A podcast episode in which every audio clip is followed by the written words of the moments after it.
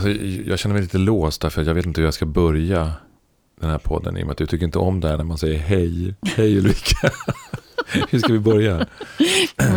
ja, men du får jättegärna säga hej.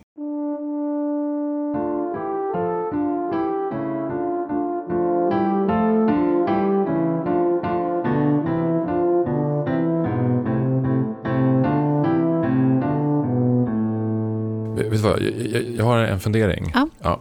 Eh, alltså med andra ord, jag, jag skippar och säger hej till dig nu. Mm, mm, Okej. Det är okej. Okej. Mm, mm. Eh, Hej Ruben. hej.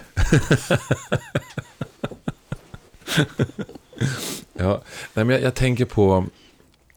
Eh, det, det är flera incidenter i, i samhället idag som gör mig lite upprörd eller lite ledsen faktiskt. Och, och, och eh, det handlar egentligen om, det handlar inte om eh, det som sker egentligen, utan det handlar om det samhällsansvar som jag känner en avsaknad av. Eh, och eh, det gäller eh, SVTs, eh, att de sände ut Lamberts eh, eh, presskonferens Mm. utan att reflektera förrän efteråt. Men då var skadan redan skedd. Det, det var samma bolag som sätter en eh, politiker på bästa sändningstid i, i, en, i en soffa och eh, ska prata. Och, och det är uppenbart att den här människan inte mår bra. Mm. Eh, och för mig var det, jag, jag kunde nästan inte titta. För jag Mm. tyckte att det var så, dels och, och, och den här politikerns vägnar. Mm. Men också för, vad är det vi gör? Vad är det vi accepterar? Mm. Och sen kommer en dokumentär om en, en, en, en man som eh, har, har blivit anklagad för diverse saker. Och han får en lång tid att eh, utveckla. Men det finns inte de som har, de som då eh, var utsatta för honom. Det finns ingen sån reflektion över att man kanske man borde ha dem, deras aspekt med i det hela också. Mm. Eh, och eh, sen finns en annan, alltså, någon, någon, någon, eh, det här Paradise Hotel där det eh, också sker ett övergrepp. Och hela, den här, hela, hela Paradise Hotel är ju nästan en slags... Bygger på ja, övergrepp någonstans. och jag tänker på vad, vad är det för ansvar vi tar? Hur långt ska vi gå? Och, eh, eh, det, det, det, det handlar inte om det handlar inte om att moralisera här. Mm. Eh, det, det gör det inte. Det handlar om liksom, det här är ju därför vi har ett samhälle. För att vi ska vårda varandra på ett sätt. Liksom, ta Mm. hand om det som sker. Mm. Och sen blir, det, blir allting väldigt kortsiktigt. Ja, gränserna förskjuts ju väldigt tydligt. Ja, Mm. och det, det tycker jag är... För jag, jag tänker att det är samma sak liksom, med vaccineringen. Nu, Mm. nu eh, målar jag med bred pensel här. Men jag tänker att vaccineringen för mig, eh, även om, om riskerna är extremt små, måste man ju Mm. säga. Det är ju betydligt farligare att, eh, att cykla i trafiken eller eh, gå, gå över en gata. Eller ja, till och med för en kvinna att leva med en man så är det farligare än att ta vaccinet. Mm. Eh, men för mig är det, även om det skulle vara så att det råkar bli jag nu på tisdag när jag ska ta mitt vaccin Mm. som blir sjuk. Mm. Så tänker jag så här, ja det är klart att jag givetvis inte hoppas att, äh, att det ska bli så. Det, det, det vill jag ju inte. Men eh, att vaccinera oss, det är en solidaritetshandling för mig. Mm. Mm. Det är också det här, hur sköter vi vårt samhälle? Mm. Det som är vi. Det som är vi, ja. Mm. Och det är så himla mycket jag, jag, jag, jag hela tiden. Och, och, och det verkar förstärkas, känner jag. Ja, Att det här jag-perspektivet. Men, men också det här som du...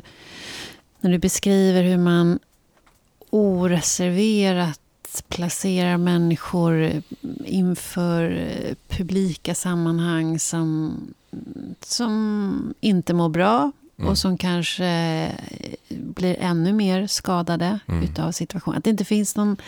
Att det inte finns någon eller i alla fall, det vet ju inte vi, men det, det ser ju ut att finnas en brist på reflektion och långsiktighet och Mm. omtänksamhet. Både, både för sådana människor som har blivit drabbade och den som blir drabbad av att vara placerad där. Att det handlar Mm. mycket om det kortsiktiga. Man får i alla fall den känslan av att vi har vi har eh, det här mot titta, eh, hitta, att samla oss mot någon. Att samla oss och peka på eh, den som är, är att, att stöta ut helt enkelt. Mm. Är, har blivit något märkligt fenomen som mm. vi, vi gaddar ihop oss i allianser mot varandra och pekar ut, pekar finger. Och mm. Det är väldigt, väldigt obehagligt. Mm. Och det finns få som, tycker jag, som reflekterar över det. Alltså, den debatten ser vi väldigt lite av. Utan när nu vi placerar en, en i det här fallet då en man på bästa sändningstid som så uppenbart inte mår bra. Mm. Eh, så är snarare skriverierna därefter att eh, ja, hur trodde han att han skulle lyckas med det här? Och ett hånande. Och, och det, det finns väl berättigat med kritik, jag säger inte det. Men, men den andra rösten, hur, hur hur tar vi hur, den här försiktigheten med mm. varandra? Mm. Vi är ju trots allt bara människor. Och vi, vi, är ju det. Vi är ju, det finns både eh, offer och förövare. Eh, och väldigt många är både och. Exakt. Och att, att istället för värna mm. om varandra så utsätter vi varandra.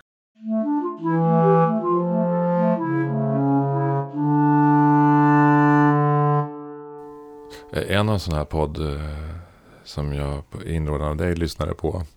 Eh, där eh, pratade två kvinnor om sina, sitt underliv. Mm. och att när man kommit upp till en viss ålder så bör man så rekommenderar de att man ska göra en, köns, eller en, en, en könsoperation. Alltså att, en, en skönhetsoperation av sitt kön. Ja. och vem som var bäst på det i Sverige tror jag också de pratar om. Och det var för mig lite chockerande faktiskt. Mm. Eh, jag tänker att vi har en debatt där vi försöker stävja könsstympning. Mm. Och sen är det eh, två stycken människor som har ett stort inflytande. Mm. Eh, som pratar om att man ska eh, göra om sitt kön på det här mm. sättet. Det, det, är också nå någonting som... Ja, jag, jag eh, det, det är störande och det är lite sorgligt. Jag, jag blir arg. Mm. Jag, blir, jag blir jättearg. För jag tänker Bara för att du är mycket mer manlig än vad jag är. ja, kanske är så. Men jag tänker att vad fan är det för jävla ansvar? Jag tänker man får göra precis vad man vill med sin kropp. Jag lägger mig inte i det. Ja. Eh, men eh, jag tänker ändå att, jag tänker så att eh, man har också ett ansvar för för de som är yngre, de som håller på att växa upp, de som håller på att hitta sin identitet. Mm. Om då väldigt många äldre berättar att när du har fött några ungar, då håller inte ditt underliv, utan då måste du skära till dig. Mm. Det var till och med i den här podden uttrycktes ju att en, man vill se ut som en 15-åring. Jag kom inte så långt, för jag, jag faktiskt stängde av efter ett tag. För jag ja, att, att då var... är vi lite inne på en annan debatt. Vad är det då? Nej, men jag får en väldig association till två farbröder som satt och, som det har stått väldigt mycket skriverier om, två kulturmän som satt och gav betyg och sa att eh, underlivet på de här 13-åringarna är betydligt bättre. Jag tror till och med att det var någon oh. doft eller vad det var för någonting.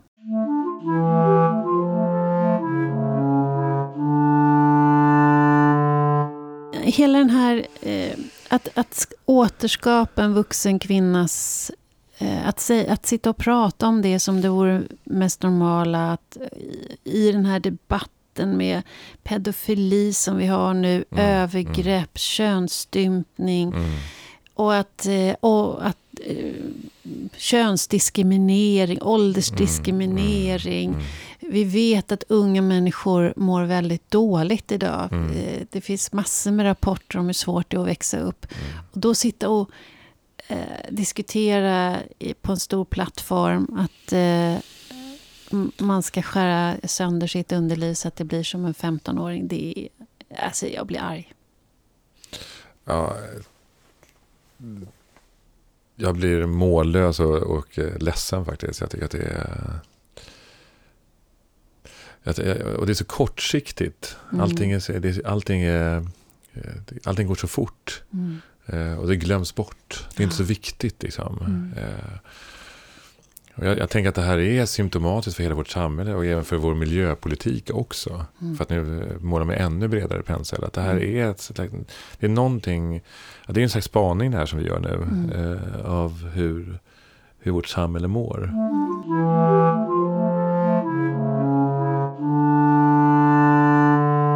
Spännande gäst. Ja, jag ser verkligen fram emot det här samtalet. Ja, det är jag också. Bob Hansson. Ja, Ja, vad kul. ja, Bob Hansson är ju en fantastisk författare tycker jag och poet. verkligen. Eh, en av mina favoriter är Kärlek, hur fan gör man? Och jag, det är min favorit också. Den fick jag av mina barn när jag hade skilt mig. Ja, Ja, ja, ja men det, det, det, den är verkligen eh, ja, en hjärtebok. ja. Eh, han har skrivit mycket mer än så. Och, och han har ju vunnit massor med priser och han har mm. samarbetat med, med större delen av eh, Sveriges rockelit. Liksom. Allt från Mm. Tåström till eh, Fläskkvartetten, Olof Salo och sådär. Eh, han, var också, eh, han hade ju också det här fina programmet Allvarligt talat på Mm. Sveriges Radio. Mm. Och det är ett av de mest populära eh, också när, när han ledde dem och svarade. Eh, Mm. så. Och eh, Bob är ju också, eh, han mediterar. Han mediterar, men han har också utbildningar Ja, just det. som är jättefina. Ja. Så att säga. Mm. Och han eh, kommer hit till ditt kontor. Han kommer hit. Det här ska bli kul.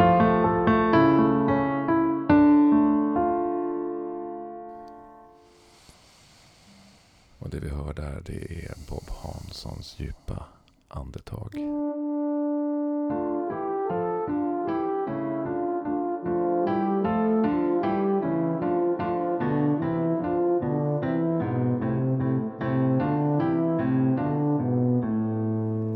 Välkommen till poddmogna. Tack. Vad härligt att ha dig här. Ja, vi får väl se. För jag tycker att det känns härligt än så länge. Ja, men vi får väl se. Jag tänker att eh, det, den primära känslan är ju härlig. Ja. Eh, och det räcker rätt långt tycker jag. Ja, Ja. men ja, precis. Jag har ju hunnit, vi har ju varit här nu några minuter i det här rummet och sagt hallå och sådär. Och vi känner inte varandra sen innan. Och jag har ju redan hunnit med att få dåligt samvete och ett självtvivel. Ja. Nu nu är jag lite för sprallig. Jag har ju haft covid så jag har ju inte träffat folk på flera år känns det som. Ja. Så då fick jag, nej nu är jag för sprallig. Och Oj. för till mig, jag var bara wow liksom. Och då tänker jag, vad har jag gjort för att du ska känna att du är för sprallig? Så kan vi hålla på. Så kan vi hålla på. Och det kan vi egentligen släppa med en gång. Därför att du får faktiskt vara hur du vill här. ja. Och så som vi sa precis innan, så eh, det här är ju ett samtal. Det är ju det som, det handlar om att vi ska tala tillsammans. Ehm, med dig i fokus. Så du får vara faktiskt hur du vill. Mm. Ja. Ja. Och för er ja. Men det har aldrig varit ni som har varit problemet. Nej. Vem, vem Så är är som det är väl. pro- alltså, egentligen så här, att vi bru- brukar börja med en, en fråga, men nu är vi redan inne på något sätt. I, Mm, men jag tycker ändå frågan är viktig. Okej. Eh, det har aldrig varit vi som är- har varit problemet. Vi återkommer till det. Mm. Men första frågan som vi brukar ställa till alla våra gäster. Det är, har du mognat något på sista tiden? Ska väl du ta skit i? Ja, Säger jag av någon slags anledning. Fan är det här jävla kors? Ja, Klart att jag har mognat. Vadå, verkar jag omogen eller? jag har ju mognat på sista tiden. Ja. Oj, oj, oj. Faktiskt så har jag mognat i år. Det är inte mycket som har hänt här. Jag är föreläsare också och det är så jag försörjer mig annars med och hå- håller kurser. Det gör man ju inte nu här ju. Men det var ett stillsamt. Ändå har jag lyckats mogna. Två saker. Jag har slutat röka. Den 22 december slutade jag röka efter 20 år. Det, visar, två minuter över klockan två tog jag sista cigaretten av en slump faktiskt. 2020. Mm. Efter 20 år. Jävla coolt alltså. Mm. Ehm, och, och nästan lite skämmigt var det ju att röka när man håller Mm. på med det jag gör liksom. Om, omodernt. Ja, dessutom. Ja. Den, den inre klassresenären jag har som gärna blickar uppåt. Åh, vilken dyr slips det verkar vara. Mm. Uh, har ju skämts. Att Okej. hålla på med en arbetarklasslåt. Men den andra saken är mer intressant tycker jag. Att det, det hände bara för några veckor sedan. Det var att jag efter jag har en son som är nio år och varannan vecka och jag är kvällsmänniska. Så att morgnarna när det är skolvecka har ju varit jobbiga. Mm. Eh, och så mycket konflikter och gräl där. För att jag är ganska sansad men inte på morgnarna. Eh, Mm. Då, det, det, och fy fan alltså. Vad man kan ställa till det bara för att man är stressad. Ja. För några veckor sedan så ställde jag, började ställa klockan en kvart tidigare. Istället för att liksom maximera sömnen. Ja. Och bara stolt. Wow, vi fixade allt på 20 minuter. Den kicken eh, har jag lämnat där här och ställt klockan en kvart tidigare och mediterat 12-13 minuter. Och det har ju förändrat vår relation. Till en Framförallt annan Bob som kommer upp på morgonen. Ja, en annan dag. Och, men också lite skämmigt att det skulle ta så jäkla lång tid. Att det för det lilla uppenbara lifehacket. Liksom. Jag har ju inte skrivit en enda bok som handlar om att man ska spara tid, att det är viktigt. Nej. Nej. Vad, vad är det fick här? du för feedback från sonen? Precis.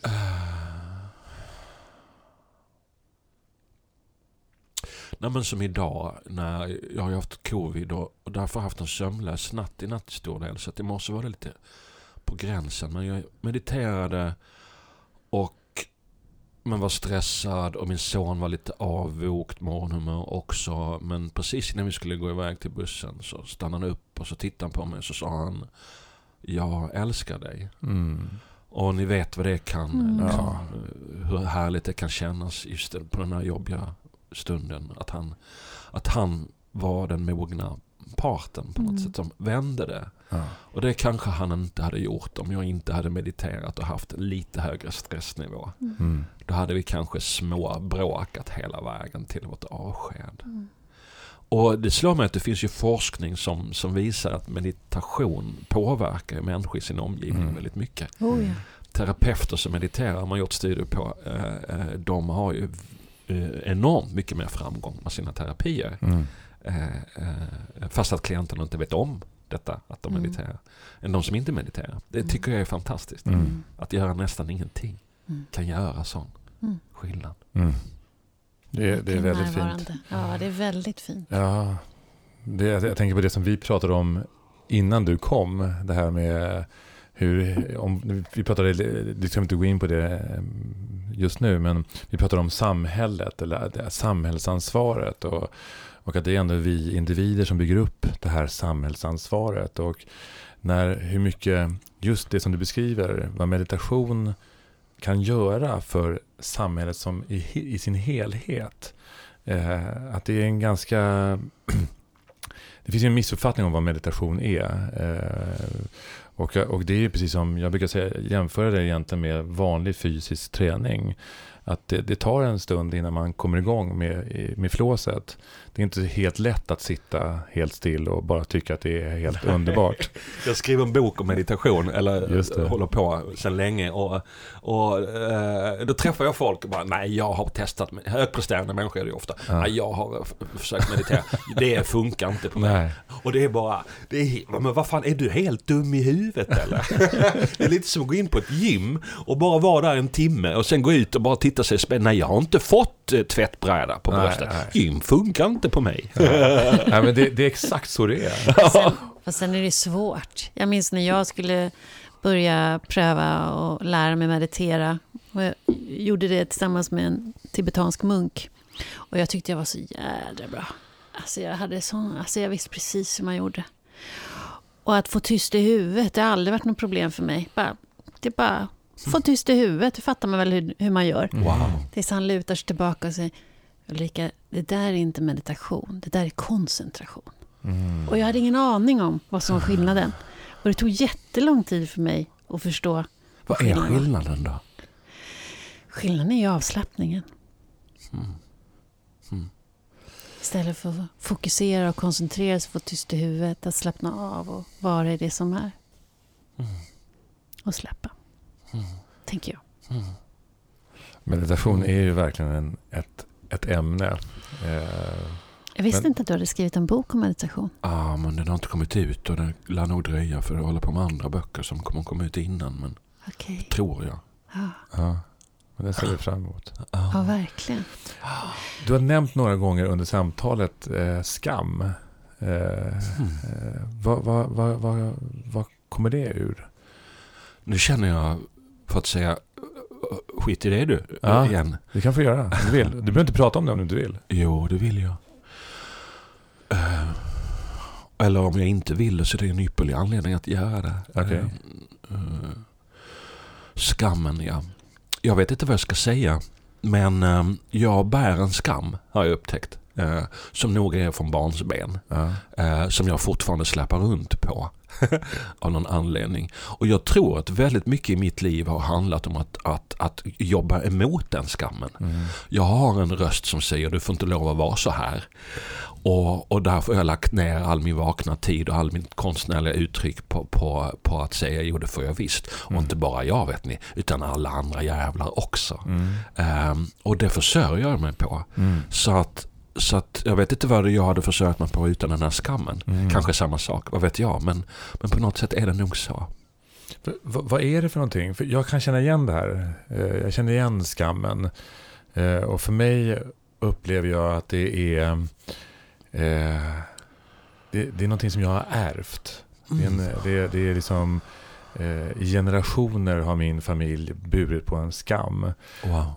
Och det har inte och det har ju, eh, visst kan vi börja prata om klass och sådana saker. Det, det kan vi göra och det har till viss del med det att göra.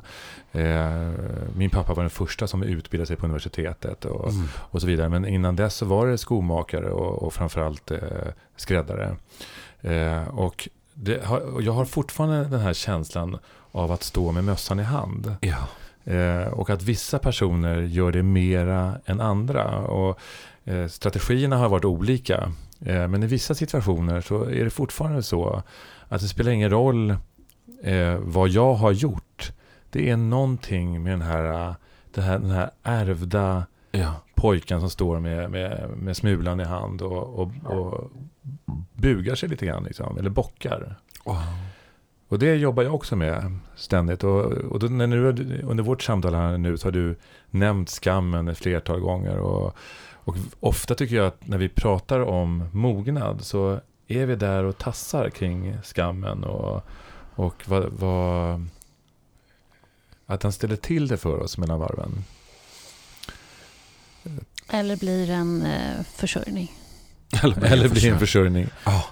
Men det kan nog gälla mig också, så att, Ja. att, eh, att, att jag har blivit skådespelare är också att, att eh, rida skammen istället för att skammen ska rida mig.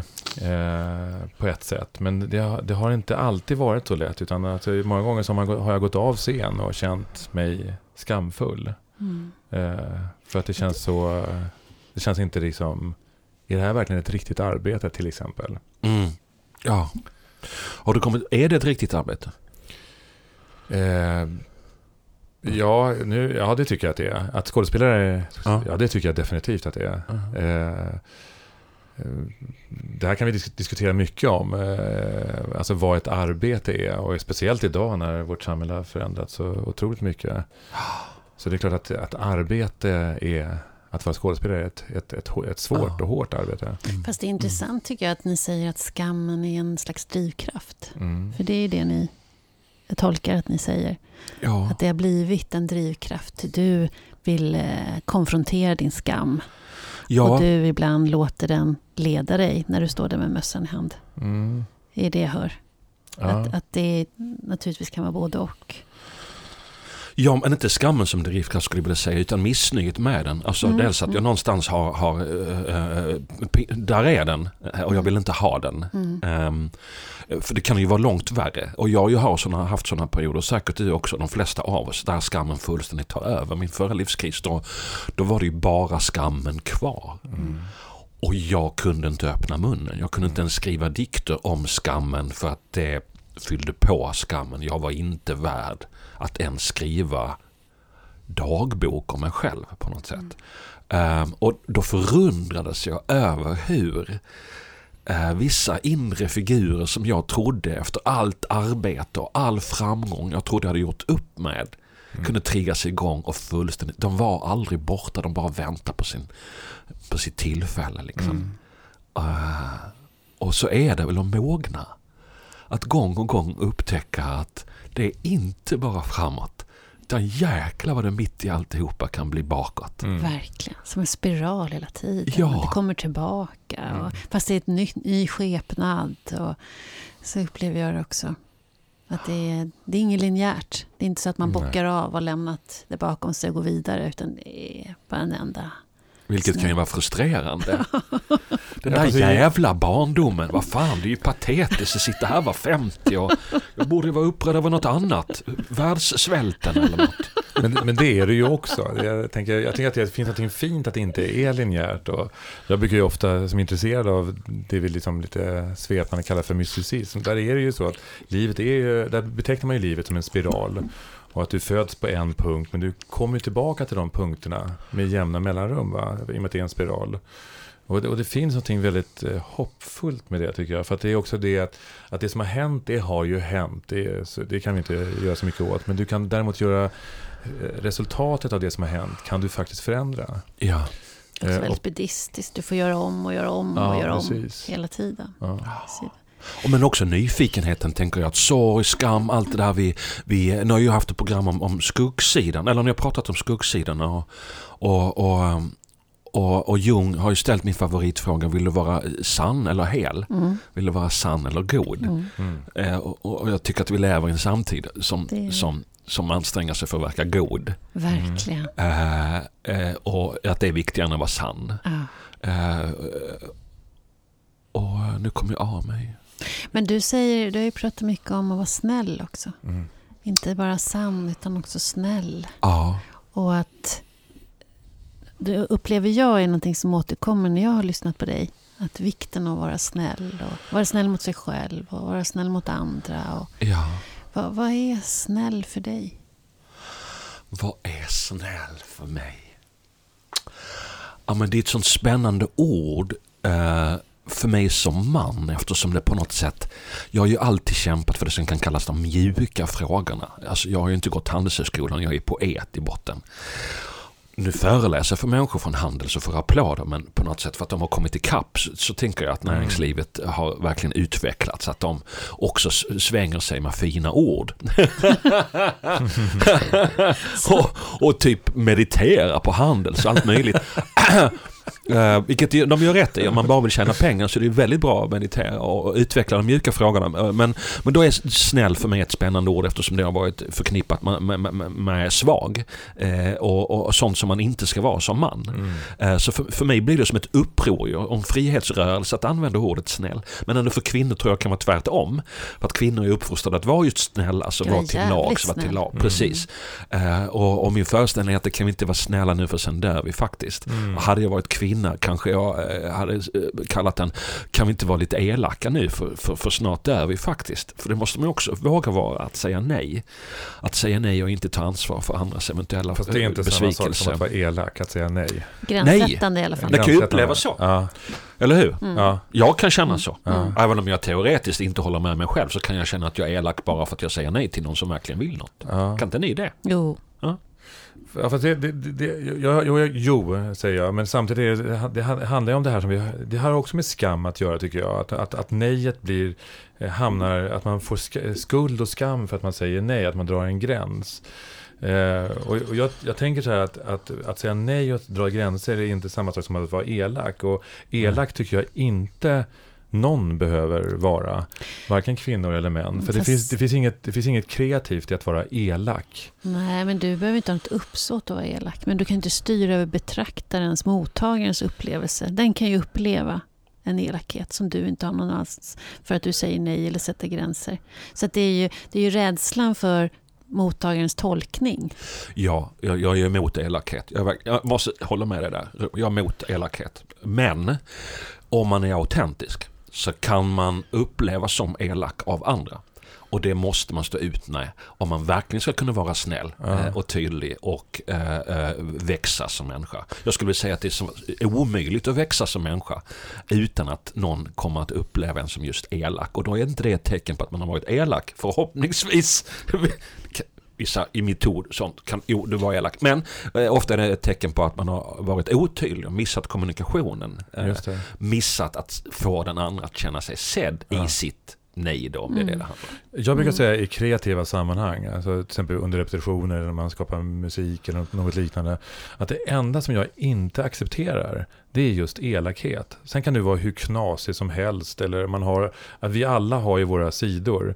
Men för mig är det så att att när folk är elaka, när man, eller när jargongen går över i elakhet, då låser jag mig. Då fungerar inte jag. Då blir jag Hur rädd. definierar du elakheten där då på repetitionsgolvet? Ja, men alltså, alltså, när man tar, eh, när, man, när man stjäl min energi eh, genom att, att, att erövra någonting. Att det inte handlar om det här samtalet som vi försöker med nu. Utan det handlar ju om att ge och ta. Det är kreativitet för mig.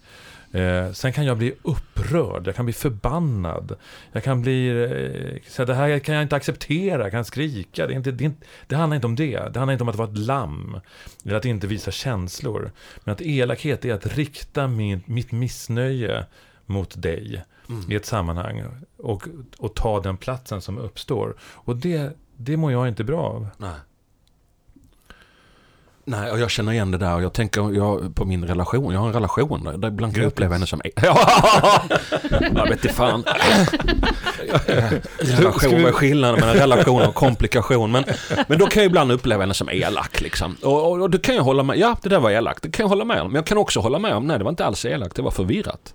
Hon var inte elak, hon var eh, förvirrad och ledsen på samma gång. Men det där med att rikta sin, som du sa, tänker jag att det är definitionen för mig av mognad. Det är att stå ut med att det gör ont utan att hoppa till tanken någon har gjort fel. Mm. För mig är det liksom, all mognad har alltid hållit på med. Jag har hållit på liksom och meditera och självutveckling och läst de här böckerna sedan jag var tonåring. Mm.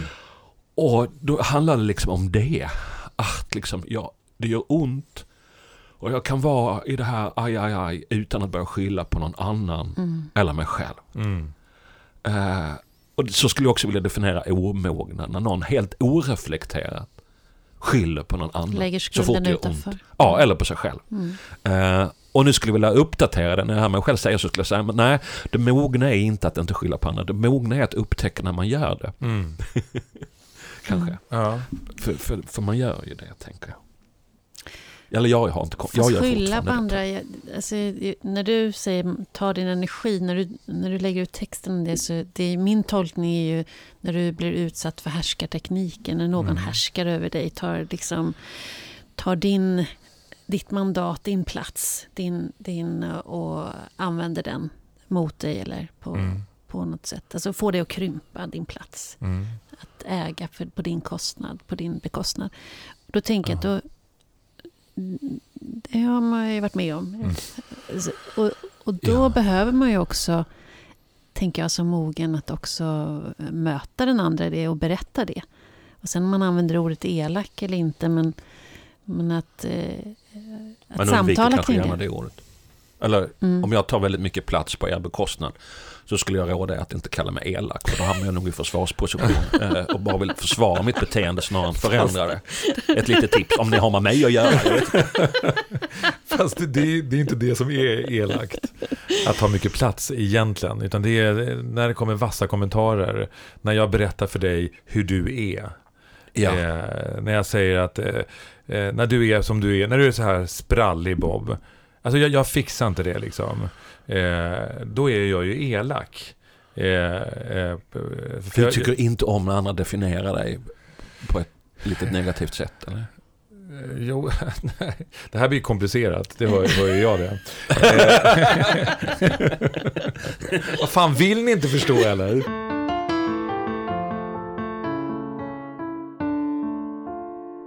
Jag tycker att det mesta som blir bra, det, det, det är när eh, man gör en gemensam resa utav det. Även fast vi upplever det olika. Eh, det, det, det, så är det ju. Men när, man, när, när någon gör, eh, gör sin egen väg eh, och kör över andra. Och det, jag ska säga så att elakheten i sig behöver inte drabba mig personligen. Utan det, om, det, om det drabbar någon i, i Mm. kollektivet så blir jag rädd. Ja. Jag blir på min vakt. Ja. Och, och jag mår inte bra av det. Mm.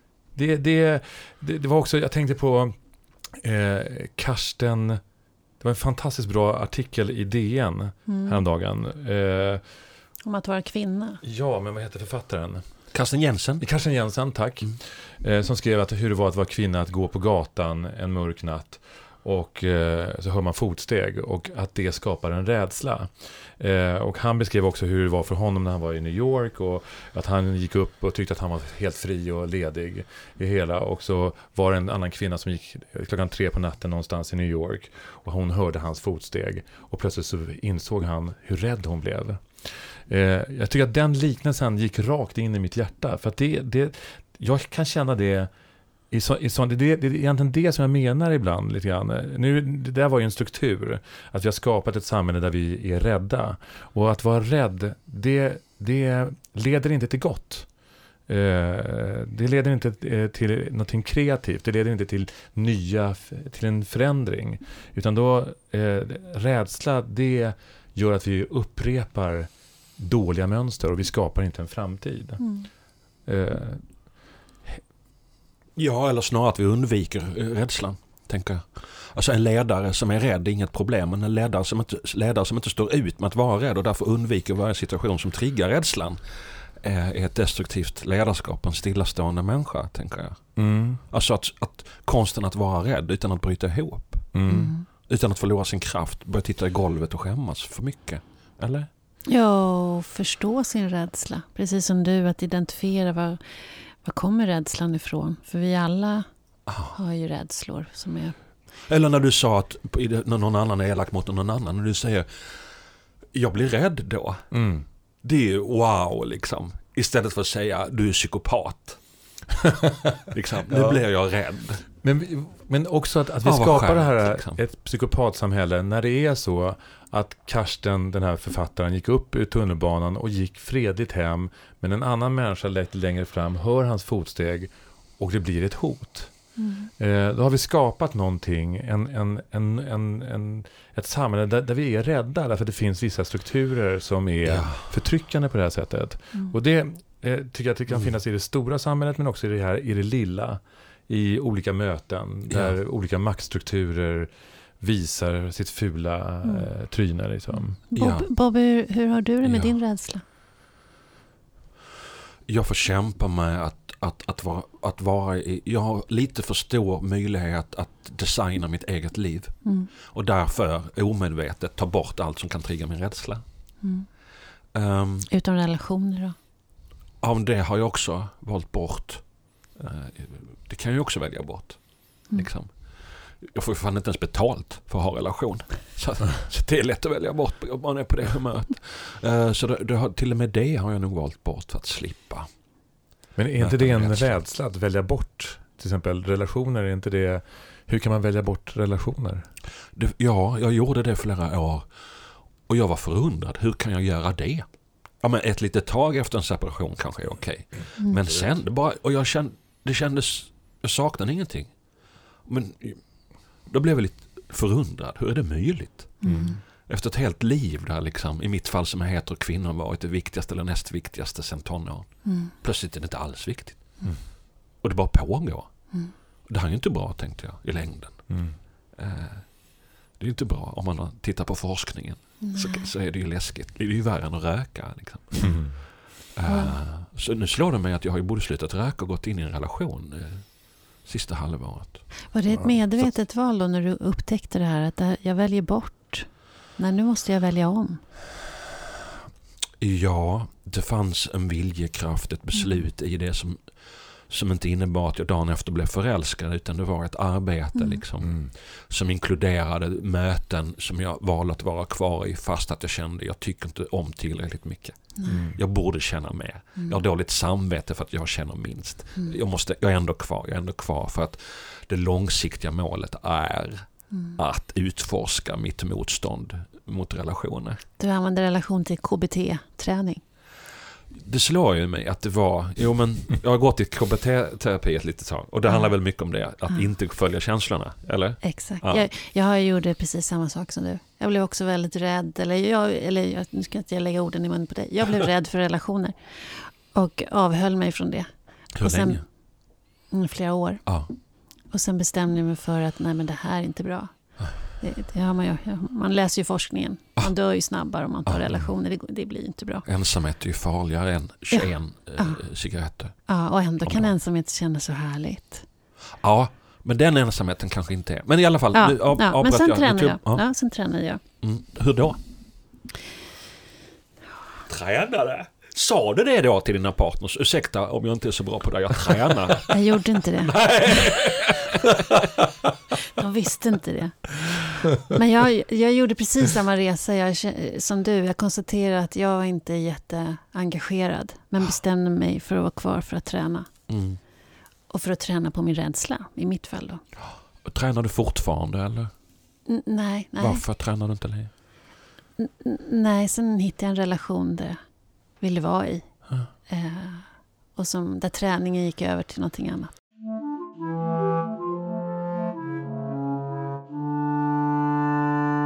Jag gick nämligen i, i terapi därför att jag inte kände rädsla. Mm. Eh, kunde inte känna rädsla alls. Mm. Det, och bestämde mig för att eh, ta reda på varför jag inte kan känna rädsla.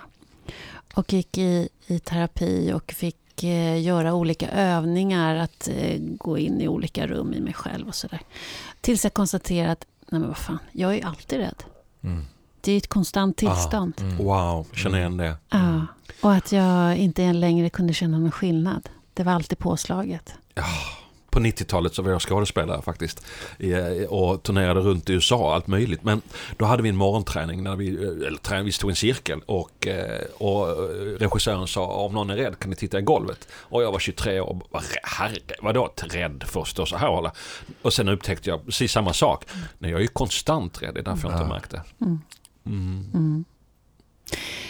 Men du, eh, jag tänker på det här med sårbarhet. Eh, Jag tänker när man hör det, jag har faktiskt varit på skrivarkurs hos dig en gång. Wow. Eh, och när man lyssnar, eh, det kommer jag inte ihåg nu exakt var. Platsen kommer jag inte ihåg. Jag kommer ihåg rummet. Ah. Men, men oavsett, du pratar ju mycket om sårbarhet. Mm. Och att vara i sårbarhet. Och man, eh, vikten av att du är sårbar. Och, och ändå får jag en känsla av att, eh, är du verkligen det? Är du så sårbar? Du, ser, sna- du ger ett väldigt starkt intryck tycker jag. Eh, och det finns ju inga det finns ingen motsats i att både vara stark och sårbar. Nej. Men Ja, jag fatt, när du säger så så händer det jättemycket. Men vad pratar hon om? Är hon inte klok? Och sen bara så, måste jag ju förklara glappet. Och det, ja just det, när man har gått kurs med mig så kanske hittar jag en förklaring där. För där är jag som minst sårbar när jag leder kurser. Det är nog jag brinner för mest nu. Det är inte föreställningarna, föreläsningar eller skrivandet utan det är de här kurserna. Och, och, och, och det är för att där finns, då upphör jag finnas lite. Mm. Eh, där blir jag ganska mycket bara ett redskap Mm. för processen. mm, Annars är det jag och det är jag och det är jag och det är min bok och det är min föreställning. Men, men där är det inte det. Och där, där blir jag mindre sårbar. mm, Eh, plus att jag är i ett rum då där jag verkligen har fått, det är väldigt tydligt, jag är ledaren här. mm, Här är, får jag vara. mm, Eh, folk har betalt pengar för att eh, låta mig bestämma så det är okej att ta plats. mm. På något sätt. Ett Mm. väldigt tryggt, för mig, väldigt, väldigt tryggt rum. Mm, mm.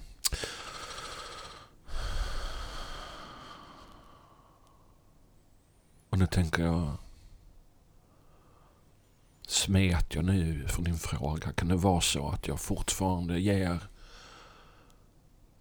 Att det finns en fasad som gör att jag upplevs som starkare än vad jag är? Den där fasaden som jag drog på mig, om inte annat så i tonåren, kanske tidigare. Liksom. Har jag kvar den? Om inte du upplever mig som sårbar. Eller är det så tvärtom att jag har kvar någon slags fina killen estetisk självbild att jag är sårbar för det är fint att vara.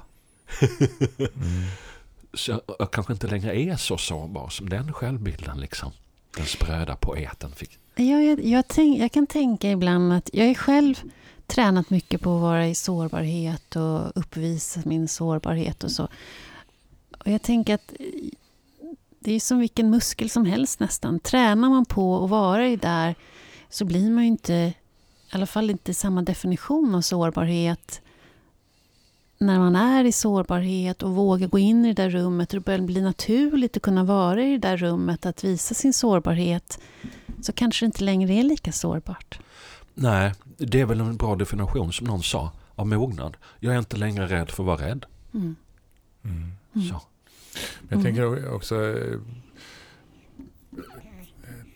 Jag tänker att om lyssnarna hade kunnat känna på vad som hände här i rummet Mm. just nu. Det hade varit fint. För det var någonting som skedde här just nu. Eh, Men jag tänker också så här. Du är en offentlig person som jobbar med eh, rädsla och sårbarhet. Mm. Finns det en, en, finns det en personlig förlust i det? Finns det någonting som går förlorat för dig? När man jobbar med det som, som ett slags, eh, ja, väldigt illa uttryckt, men som ett slags varumärke. Ja, alltså vilket liv man än väljer så kostar det ju något. Liksom. Ja, det gör ju det. Eh, och jag lever ju i någon bemärkelse har gjort min dröm. Och det har ju kostat. Mm. Att stå på en scen och få applåd, att gå och fika och folk kommer fram och säger att man är fantastisk. Är ju motsatsen, kan vara motsatsen till meditation. Alltså Mm. stärka egot. Och jag har ju sett det i andra, för det är så lättare att se det i andra så här rockstjärnor framförallt. Jag bara, gud jag hoppas att han nästa skiva inte säljer. Så att han blir sig själv igen. Liksom. Ja. Alltså, hoppas verkligen. att det lägger sig liksom. Ja. För det här är inte bra. Och där sitter han och är rädd för motsatsen, har ingen aning. Liksom. Eh, All, all form av framgång är, är ju verkligen någonting man ska... Eh, då är det viktigt att, att vara medveten om vad som händer med en. Ja. Hela metoo är ju en berättelse om mycket, men bland annat en berättelse om det. Hur snabbt och hur intensivt man kan förlora sin anständighet bara för att man är i en maktposition. Och det går in, det är neurologiskt. Eh, och det har jag också sett i mig själv att när jag har en maktposition så blir jag mindre empatisk. Och det är neurologiskt, det finns studier på det och går det jättesnabbt. Jag kan trigga en maktkänsla på en kvart så förlorar, blir ni sämre på empati och inlevelseförmåga Aha. efter en kvart. Så att gå runt då och, och som, som det var för mig när jag var yngre med att jag verkligen var sådär hipp och på första sidor och Bob Hansson och kanske inte jättekänd men väldigt hipp i de små kretsarna. Liksom. Jävlar vad mitt ego dansade på bordet. Mm. Och då var jag ensam. Mm. Utan att ens ha en aning. Mm. Utan att ens ha en aning. Och sen när det där upphörde eller frekvensen sjönk, att människor kom fram. Jag bodde i Malmö, där går folk inte fram. Där, så här, där, där, där ger man inte varandra komplimanger. Inte, speciellt inte kända människor. Det Nej. Och, och då blev det så lite cold turkey. Men där, då, då upptäckte jag också efter alla år att wow, den där avslappningen. Den där avslappningen. Ynnesten att få vara nästan ingen. Eh, Och jag såg dokumentären om Soran Ismail, jag vet inte om ni har gjort det. Liksom. Mm. Jävlar vi snackar framgång. Helvete liksom. Han var skitrolig och skithet och fick sitta med ministrar dessutom. Hur många komiker får sitta med ministrar? Liksom? Dubbel framgång på något sätt. Och han behövde ligga med hundratals människor för att få ytterligare bekräftelse. Och ja, så är det liksom. Buddha var ju inne på det. Liksom. Ja. Hur snabbt man kan liksom förlora sig om man får för mycket yttre bekräftelse och vill ha mer liksom. Ja. Ett tag var jag också väldigt hatad offentligt i små kretsar. Det vällde liksom in i min e-mailkorg och sånt och i mitt psyke liksom. Hatad för vad? Jag hade kritiserat feminismen eh, runt 2000, 2012 när den faktiskt var som mest aggressiv. Mm. Där det var väldigt lite gråskalor. Mm. Och där väldigt många då upplevde att jag var emot feminismen. Och därför hatade kvinnor. Det gick väldigt fort. Mm. Och jag som haft en självbild, man var snälla killen. Mm. Alltså men när jag var ung så hade jag ju dåligt samvete för att jag blev sexuellt upphetsad. För att ståndet för mig var så förknippat med övergrepp liksom. Eller att jag gillade stora bröst. Gud vad jag hade skam för det. För det kändes liksom inte schysst. Och sen plötsligt då för väldigt många liksom, men ganska internt har jag fattat efterhand, ni har säkert ingen aning, men jag visste ju, så blev jag liksom årets hatobjekt. Liksom. Och det var ju en jävla resa. Från att vara den som, som vill bli gillad av alla. Liksom. Och alla ska vara snälla och överens. Till liksom, du är ond. Det stod i tidningen liksom. Jag var ond typ. Det måste ju varit fruktansvärt. Att jag hatade kvinnor. Jag har precis fått barn och bara. Ja, det var det. Jag hade svårt att gå utanför dörren. Då tog skammen över. Jag blev inbjuden för att prata om näthat till SVT och jag bara, nej det går inte. För då kommer jag bli ännu mer hatad. Mm. För att vara man, det var också så här vit kränkt man, var väldigt inne då. Och jag var ju vit och man och kände mig kränkt. Och det är patetiskt att känna så. Mm. Så upplevde jag att berättelsen var. Liksom. Så jag kan inte berätta det här för någon. Eh, Det var ensamt. Men också lärorikt. Vad var lärdomen? Lärdomen var faktiskt att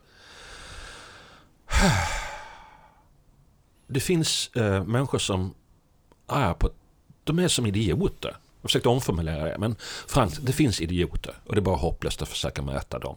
För jag tror att det var där grävde jag min smärta djupare. Jag försökte gå in i dialog med de här människorna, Säger jag är inte alls ond. Eh, och det var ju helt kört. Eh, eh, jag hade andra vänner som har varit i samma sits och de bara, nej men de är idioter, de fattar inget, jag är bäst. Eller jag är bättre. Liksom. Eh, de har ju klarat av de här grejerna bättre än jag som vill ha dialog. Det är ett missförstånd som det egentligen är. Jag vill reda ut det. För mig är det så att jag är, en, jag är en inskränkt människa. Och mitt inskränkta perspektiv så finns det helt enkelt idioter. Och de är inte intressanta. Det är precis som att jag gillar inte ägg. Så jag ska inte syssla med ägg. Det är bara dumt liksom. Det är dumt om jag ska beställa in en omelett. Bättre att jag beställer in andra saker. Eh, det är inte så viktigt liksom. Man skulle ju kunna säga att det är elakt att kalla folk för idioter. Jag säger inte det till dem, men för mig själv på något Mm. sätt. Och jag vet att det är fel, det är lögn. De är inte idioter. Men det ordet befriar mig fr- från, Ansvar. från den relationen. Mm. Mm. Så att jag kan ägna min energi på något Mm. annat. Jag är ju här på jorden för att ge godis till människor som gillar mitt godis. Liksom. Mm. Inte för att grubbla över varför vissa människor vill ha ett annat godis. Mm. Eh, som någon annan gör. Liksom. Jag tänker att det, det är lätt, och det, det är ju rätt givet det här, men, men alltså det är lättare att ta projektionen av att vara snäll och eh, uppsatt på en piedestal än att vara hatad. Eh, egentligen så är det ju samma eh, mekanism, eh, tänker jag. Eh, eh, att inget av det är sant, egentligen. Mm. Nej. Eh, utan det kvarstår ju fortfarande frågan, vem är du? Eh, vem är Bob Hansson i det här? Eh, och, det, och det gäller ju, vem är Ruben Salmander, vem är Ulrika Sedell? Eh, eh, men jag tänker att ingenting egentligen, jag tänker att vi började prata om meditation. Mm. Och vad är meditation egentligen? Och, Mm. och skillnaden från koncentration så är det ju det att, eh, att du, när, man, när vi mediterar så mediterar vi på ingenting. Det är Ja. dit vi vill komma. Ja. Eh, och då slipper vi både att vara snäll och att vara elak och Ah. att eh, ta emot allt det här. För mig är det, under mina, vad brukar de bli, 26 år som, eh, i meditationens värld, så är det det som jag i mellan varven får uppleva. Den här eh, friheten ja! av att bara få, få vara. Ah. Eh, och att jag också har ett berättigande i det. Ah. Därför att jag tycker väldigt mycket om din poesi och det du skriver. Eh, och jag, jag, jag känner mig lite befryndad i vissa delar. För det finns någonting, jag upplever en stor sorg i din glädje. Eh, det var ju väldigt poetiskt sagt. Men, eh, men, men det, jag menar det faktiskt. Att det finns någonting, för mig är det skillnad på poeter och poeter. Eller i alla fall det som appellerar till mig. Och vad som händer är när jag hör dig, och även nu när jag pratar med dig, så, så hör, jag, hör jag också en sorg eh, i det här. Och det är det som gör den här spännvidden, det är det som gör att, att egentligen att, att, att människor kommer fram och säger du är fantastisk, det är egentligen o, det är fantastiskt och det, det, så, det ska man ta åt sig såklart. Men det är egentligen lika ointressant som det åt andra hållet. Ja. Därför att det, det, det, Ja. det är så endimensionellt. Ja. Och du är så betydligt mer komplext komplex än så. Ja. Precis som du. Ulrika och precis som jag. Ja. Att, att, att vi tenderar lite grann i vårt samhälle att förenkla allting hela tiden. Och då blir det så att du är en idiot, han är dum, det är en förövare, det är ett offer. Eh, och eh, i, i, ju- i juridiska termer så är det enkelt att säga att så är det. Och så ska det vara också, anser jag. Liksom. Alltså, begår man ett brott så ska man straffas för det, såklart. Eh, men det, det finns en annan historia också. Eh, och den tycker jag vi tenderar att glömma bort. Och, och, och i det här med mognaden för min del och vad som har varit min ledsång. Jag har också haft resor upp och ner och man tappar självförtroendet och man vet inte och skammen och allt det här som vi har pratat om. Men, men så är det det här att, att kunna återvända till det här eh, utrymmet där jag får möta mig. Ja, där du inte längre är berättelsen om Ruben utan det är kanske knappt Ruben utan en manet som upplever något. Och inte heller min egen berättelse om mig Nej. själv. Det är det som också blir, för att ibland så blir vi offer också för det. Eh, det här, ni pratar om KBT och att vi är våra tankar och så vidare. Och så här. Och det finns ju massor med olika former av terapier, det vet vi ju. Men det är det här att vi går på vår egen myten om oss själva också mellan varven. Eh, och det tycker jag, om man ska återgå till det vi började prata om lite grann om, och du började med ett djupt andetag och så vidare. Och andningen och det här att vara i nuet. Det är det här ynnesten att mellan varven få möta mig själv. Utan allt det här larmet runt omkring. Ja, ja, eller hur? Så vackert. I ic- icke-görandet i det här prestationssamhället. Liksom. Mm. Där liksom vi alla håller på att bli män i den bemärkelsen Ja. att det är vårt görande Mm. som är värdefullt. Mm. Och Precis. alla håller också på att bli kvinnor för vi måste vara snygga under tiden. Mm. I allt detta presterande liksom bara... ah, ah. Vi bara är. Liksom.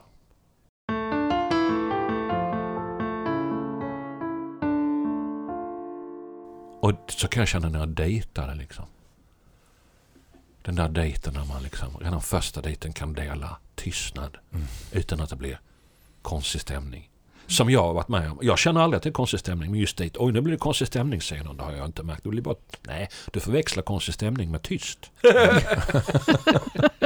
Ja, Det säger en del av samhället, eller hur? Där människor träffar sig tysta en halv minut och, och förväxlar det med så här konstig stämning. Liksom. Ja. Mm. Eh, varandet, har du gått långt? Mm. du, att, att vara med någon annan när det upplevs som Mm. konstigt. Mm. Det är konstigt. det är konstigt. Mm. Att vi kommit därifrån. Hur tycker du att vårt samhälle har förändrats utifrån i ditt liv?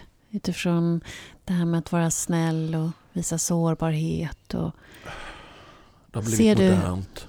mm, En enorm skillnad. Jag menar, jag är född 70 när jag var liten. Skilda pappor var ju helgpappor. mm. Det var det normala Mm. som jag upplevde. Jag hade en helgpappa. Ja. Ja. Man gick på bio och började ibland, Ja. varannan helg. Liksom. Eller? Ja. ja. Nu när man träffar någon, en man, ja, jag träffar bara mina barn varannan helg. Då undrar man ju, är det han eller mamman som är psykopat? Ja, men, liksom, vad, är, vad fan? Ja, det är en positiv utveckling. Ja. Uh, där har det förändrats. Eh, Men, men jag vet att också när jag var började komma ut på, och prata på företag för, för kan det ha varit 15 år sedan eller något. Då fick jag ju kämpa min, jag ska prata om de mjuka frågorna här. Jag sa inte ens ordet snällhet för det var helt det hade inte gått. fick jag kämpa. Nu behöver jag inte göra det. Mm. Nu finns det en medvetenhet på liksom, eh, människor med handelsbakgrund eller databakgrund. Liksom, jag ska prata om snällhet. Yeah, det är typiskt vår grej! Säger progra- programmerarna och ekonomerna och, och handelsjuristerna. Liksom, va? Snäll är grejen. Snäll, snäll är grejen och mjuka värderingar är grejen. Och det är ju helt rationellt för det, det stämmer ju. Men när vi, evolutionen är ju att vi går mot snällhet, omhändertagande mer och mer och mer. Alltså, eh, var tionde människa mördades på stenåldern. Mm. Alltså, och då dog man ändå av, av typ vadå? hål i tanden dessutom. Alltså man dog av allt möjligt. Och ändå var mord, liksom var tionde människa dog. Barn blev mördade. Uh, det är ju rätt länge sedan. Liksom. Uh, men, men vi går mot mer och mer omhändertagande och större medvetenhet om det. Jag såg två uniformerade, uniformerade manliga poliser krama varandra på Medborgarplatsen för någon vecka sedan. Men för i helvete. ja, tänker man då. Eh, corona, tänker man. Ja. Eh, för 15 år sedan när man tänkte det filminspelning eller någon jävla gayparad. Vad berodde det på då? Varför, vet du det? Vad var det som... är konstigt att ställa en fråga. Du tänker att jag gick fram och frågade. Ja. Ursäkta, varför kramar ni varandra? Hallå, konstaplarna. ja. är, ni, är ni bögar eller? Är ni bögsnutar? Kramar de varandra för att det var ett lyckat, lyckat gripande eller att de hade undvikit någonting? Eller? Nej, men det var väl bara vanligt det framgick inte. Nej, men du är kvar den här, när man ser människor gråta på film, då är det liksom vändpunkten i hela filmen. När tjejer gråter på film, ja, det händer hela tiden, det är inte så viktigt. Men när mannen gråter, da-da! Tredje akten. Vadå, grät de också? Nej! Men du har två poliser kramar och du tänker att det är något storslaget som hänt. De har gripit någon. Nej, de bara sa hej, tror jag. De bara sa känna. Jaha. Ja? Och kramade varandra. Hur gammal är du? Fyra. Hundra, eller? Jag blir jättenyfiken på vad Ruben gör på Medborgarplatsen när han ser två poliser krama varandra. ja. Jag tror faktiskt jag aldrig sett två poliser krama varandra. Och vad skulle du göra då? Ställa mig upp och bara yeah! Hollywood. En långsam, så här långsamma klappet kanske. Ja, precis. Alla ställer sig upp på alla uteserveringar och bara klappa händerna. Och de skulle titta på dig bara, är han full? Vad är det frågan Och gripa mig. kanske, det tror jag. Men det har ju alltså extremt förflyttat. Jag kan tänka att jag har en bakgrund som antitraditionell man, liksom, mm. när jag var ung. Och sen har jag försökt erövra manlighet. Men det var inte det jag skulle säga. En väldigt känd svensk som håller på med MMA på väldigt hög nivå. Vad man skulle kunna betrakta som väldigt, väldigt macho. Han skulle fotograferas. Fotografen sa, kan du se lite macho ut? Eh, och han bara började fnittra. För han är inte macho. Han är inte ens emot macho. Han är bara, ah, macho. Ja. Eh, och hur de är eh, jätteintima med varandra och kan dela säng tydligen och så. Eh, på ett helt annat sätt än eh, Henrik Schyffert gör med sina kollegor. Eh, för att de är en MMA i ny bransch. Det finns inga gamla män där, inga gamla. Och där, där blir det så tydligt att det har förflyttats. Jag var på någon jättefinal i, i Globen där Mahler skulle vinna eh, och förlora på några, en halv minut bara eller något. Uh, och man hörde ju inte, men han som vann då därför skulle få uh, uh, titelmatch efter det här. Alltså en storslagen seger på bortaplan mot favoriten på en halv minut. Han borde ju vara jätteglad. Jag hörde inte vad han sa men han såg inte alls glad ut. Och sen hörde jag på tvn att han hade sagt att det är svårt för mig att vara glad nu för Alex är så, jag är så ledsen för hans skull. Ja. Och det var inte det här reklambyrå, alltså det är viktigt att vara snäll, utan liksom man såg hela kroppen uttryckte i den här stunden inte säga Gavral utan bara shit liksom. Alex, fan vad jobbigt. Vad är det ni pratar om tänker jag nu? För det, MMA är ändå liksom ultravåld. Mm. Så vad, vad, vad, är det, vad är det som är så fantastiskt i det här? Nej, jag har inte sagt fantastiskt. Men jag är fascinerad av, för mig är det så främmande, att jag kan eh, smälla till det i ena sekunden ja. och andra sekunden kramas vi. Ja. Och innerligt, på riktigt. Ja. Det är inget så här kompis, kom igen nu. Utan... Den homofobin är borta liksom. Ja, men jag, för mig är det viktigt för att jag tänker att det säger en del om manlighet och säger en del där men också om samhället. Ja. Ehm, de här poliserna som kramas, de gör ingen grej av det. Som när jag började krama mina manliga vänner. Liksom. Nej. Det var lite som att färga håret lila och krama sin manliga kompis. det var en liten demonstration. Liksom. Nu bara händer det. Nu bara händer det. Och det är en enorm förflyttning. Mm. Den manliga kramen inte längre ett avståndstagande eller en protest. Mm. Och ända in i, i machokärnan som MMA borde vara. Så är det liksom numera, det är som man är. Mm. Det handlar inte om ett ställningstagande. Mm. Det är bara att vara människa. Mm. Ja, nu slåss vi. Men jag är fortfarande empatisk med den här människan. Jag kanske älskar den här människan. Mm. Och det är helt okej att visa det liksom. Uh, förflyttning. En mm. enorm förflyttning, mm. inte sant? Mm. Tänker jag. Och att fotboll är mer macho därmed än MMA. För det är en gammal sport. Mm. Gamla mm. värderingar. Mm. Mycket mer testosteron. Mm. Oj, vilket spännande ämne. Ja, men det kan, det kan man prata vidare av. Nu måste vi runda av. Ah. Precis. Det är det som är så härligt med samtal, att man känner så här, jaha, nu måste vi avrunda. För Ja, tiden, fast man vill inte. Man vill inte. Det finns mycket mer att säga här. Ja. Jag kan, får jag säga en sak som jag tänkt på hela podden här? Okej. När du sa att du sa att någon var elak på, mot någon annan på Mm. repetitionsgolvet Mm. och du blev rädd. Och då tänkte jag på den här, har ni läst den här boken Ledarskap på apstadiet eller något, något sånt liknande? Jättefin bok. Mm. Där pratar man om, om apledaren Santino. Och, och där berättades att varje dag så kramar den här schimpansledaren om alla i flocken. Varje morgon han kramar om alla i flocken. Jag vet inte, det gjorde nog inte Bergman kan man tänka sig. Nej. Eh, Men det intressanta är att ibland glömmer han att krama om någon. Han är inte mer en människa, eller han är en apa. Så ibland glömmer han. Vad händer i flocken då? Precis det som händer i dig. Det blir en enormt tydlig frustration. De börjar klia sig som är deras sätt att ta upp telefonen. Det, alltså det gör de när blir nervösa. Eh, Och den växer och växer och växer längs dagen tills Santino, ledaren, kommer ihåg. Shit, jag har ju glömt att krama om Emma eller Kurre. Mm. Och går dit och gör det. Och då blir hela flocken lugn. Så känsliga. För att annars uppfattar de att Kurre eller Emma är avvisad. Kurre är avlisad. Han har hamnat utanför Mm, flocken. precis. och förmodligen så triggas min rädsla att hamna utanför flocken. Jag Mm. gillar inte det. Mm. Eh, vilket för mig som ledare när jag leder är liksom att den som inte vill vara med på vissa övningar, hur viktigt det är för mig att inkludera den människan. Att inkludera den som är mest annorlunda. Den som minst lever upp till vår flocks idé och grej. Att inkludera den liksom. Det för att få en funktionalitet och en förflyttning liksom Mm. framåt. eh, Så att vi kan göra våra grej så bra vi kan. Så eh, efter 53 minuter samtal så kallar du mig för apa alltså? Det var ett skämt. Oh, vad? jag vet. jag vet. Vad bra. Vi brukar alltid avsluta med en fråga. Mm. Bob Hansson. Vad eh, behöver vår samtid eller vad behöver vi människor just nu för att mogna? Kanske det jag nyss sa. Mm. Den medvetenheten. Så bräckliga är vi. Mm. Jag tänker på en annan studie med små bollar. Man kommer in i ett väntrum. Det sitter två andra där. Eh, Någon hittar en boll och man börjar spontant skicka runt den här bollen mellan de här tre. Jag vet ju inte att de andra två ingår i försöket. Efter ett tag börjar de bara bolla med varandra. Jag mår jättedåligt av det. Helt i onödan. De är främlingar. Jag kommer aldrig träffa dem. Jag ska inte ligga med någon. Jag ska inte jobba med någon. Men jag mår skitdåligt av dem. Sen gör man samma sak digitalt. In i en hjärnskanner.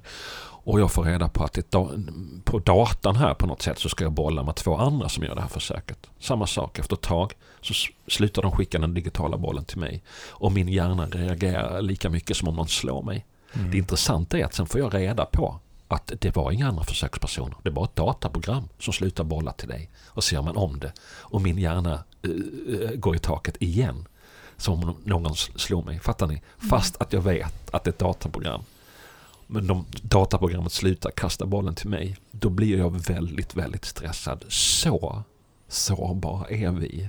För att hamna utanför. Och tänk så mycket energi vi lagt ner på att låtsas för andra och för oss själva. Nej, det är jag inte alls. Jo, det är du. Landslaget. Som presterar bättre nu när Zlatan är med än förra gången. Varför? ja, för han kanske inte ger folk karatesparkar i ryggen på skoj som man sägs ha gjort förr. Liksom. Eh, så vill man vara professionell så ja, när du är elak mot någon annan så blir jag rädd. Kan du sluta vara det? Mm. Så att, så att vi verkligen kan använda vår kompetens här. Mm. För saker och ting gjorda. Mm. Tack. Tack. Tack Bob Hansson för att du kom till poddmogna. Tack.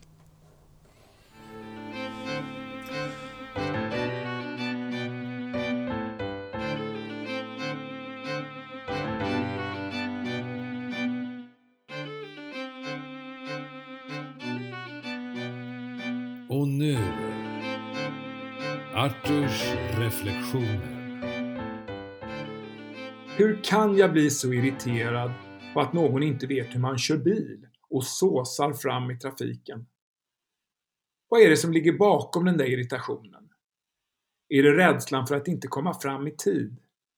Eller är det rent av skär ilska som pyser ut, som egentligen hör hemma någon helt annanstans? Trafiken är förstås en klassisk arena för att framkalla det mest primitiva inom oss. Där får vi sitta inne i vår varma bil, och hetsa upp oss på säkert avstånd.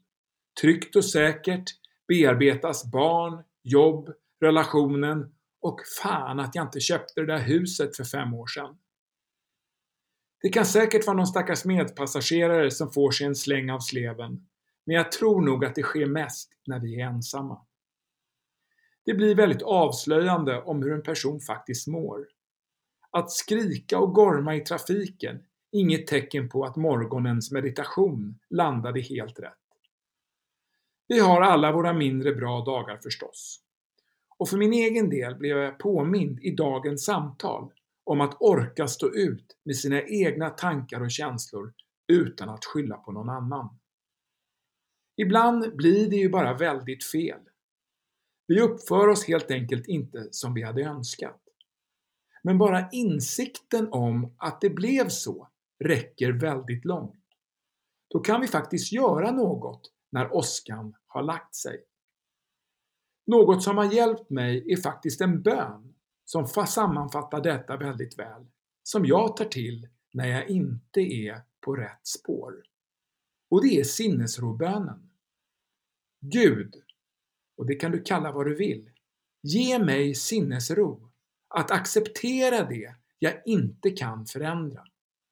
Mod att förändra det jag kan och förstånd att inse skillnaden. Så vi får helt enkelt jobba på sinnesron och modet och kanske är några minuters meditation en del av den resan.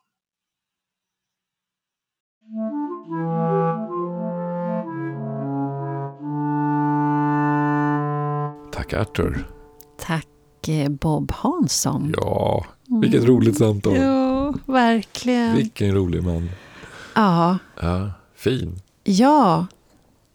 Underbar. Det var Svängigt samtal. svängigt och roligt. Och det var som att vara med i en...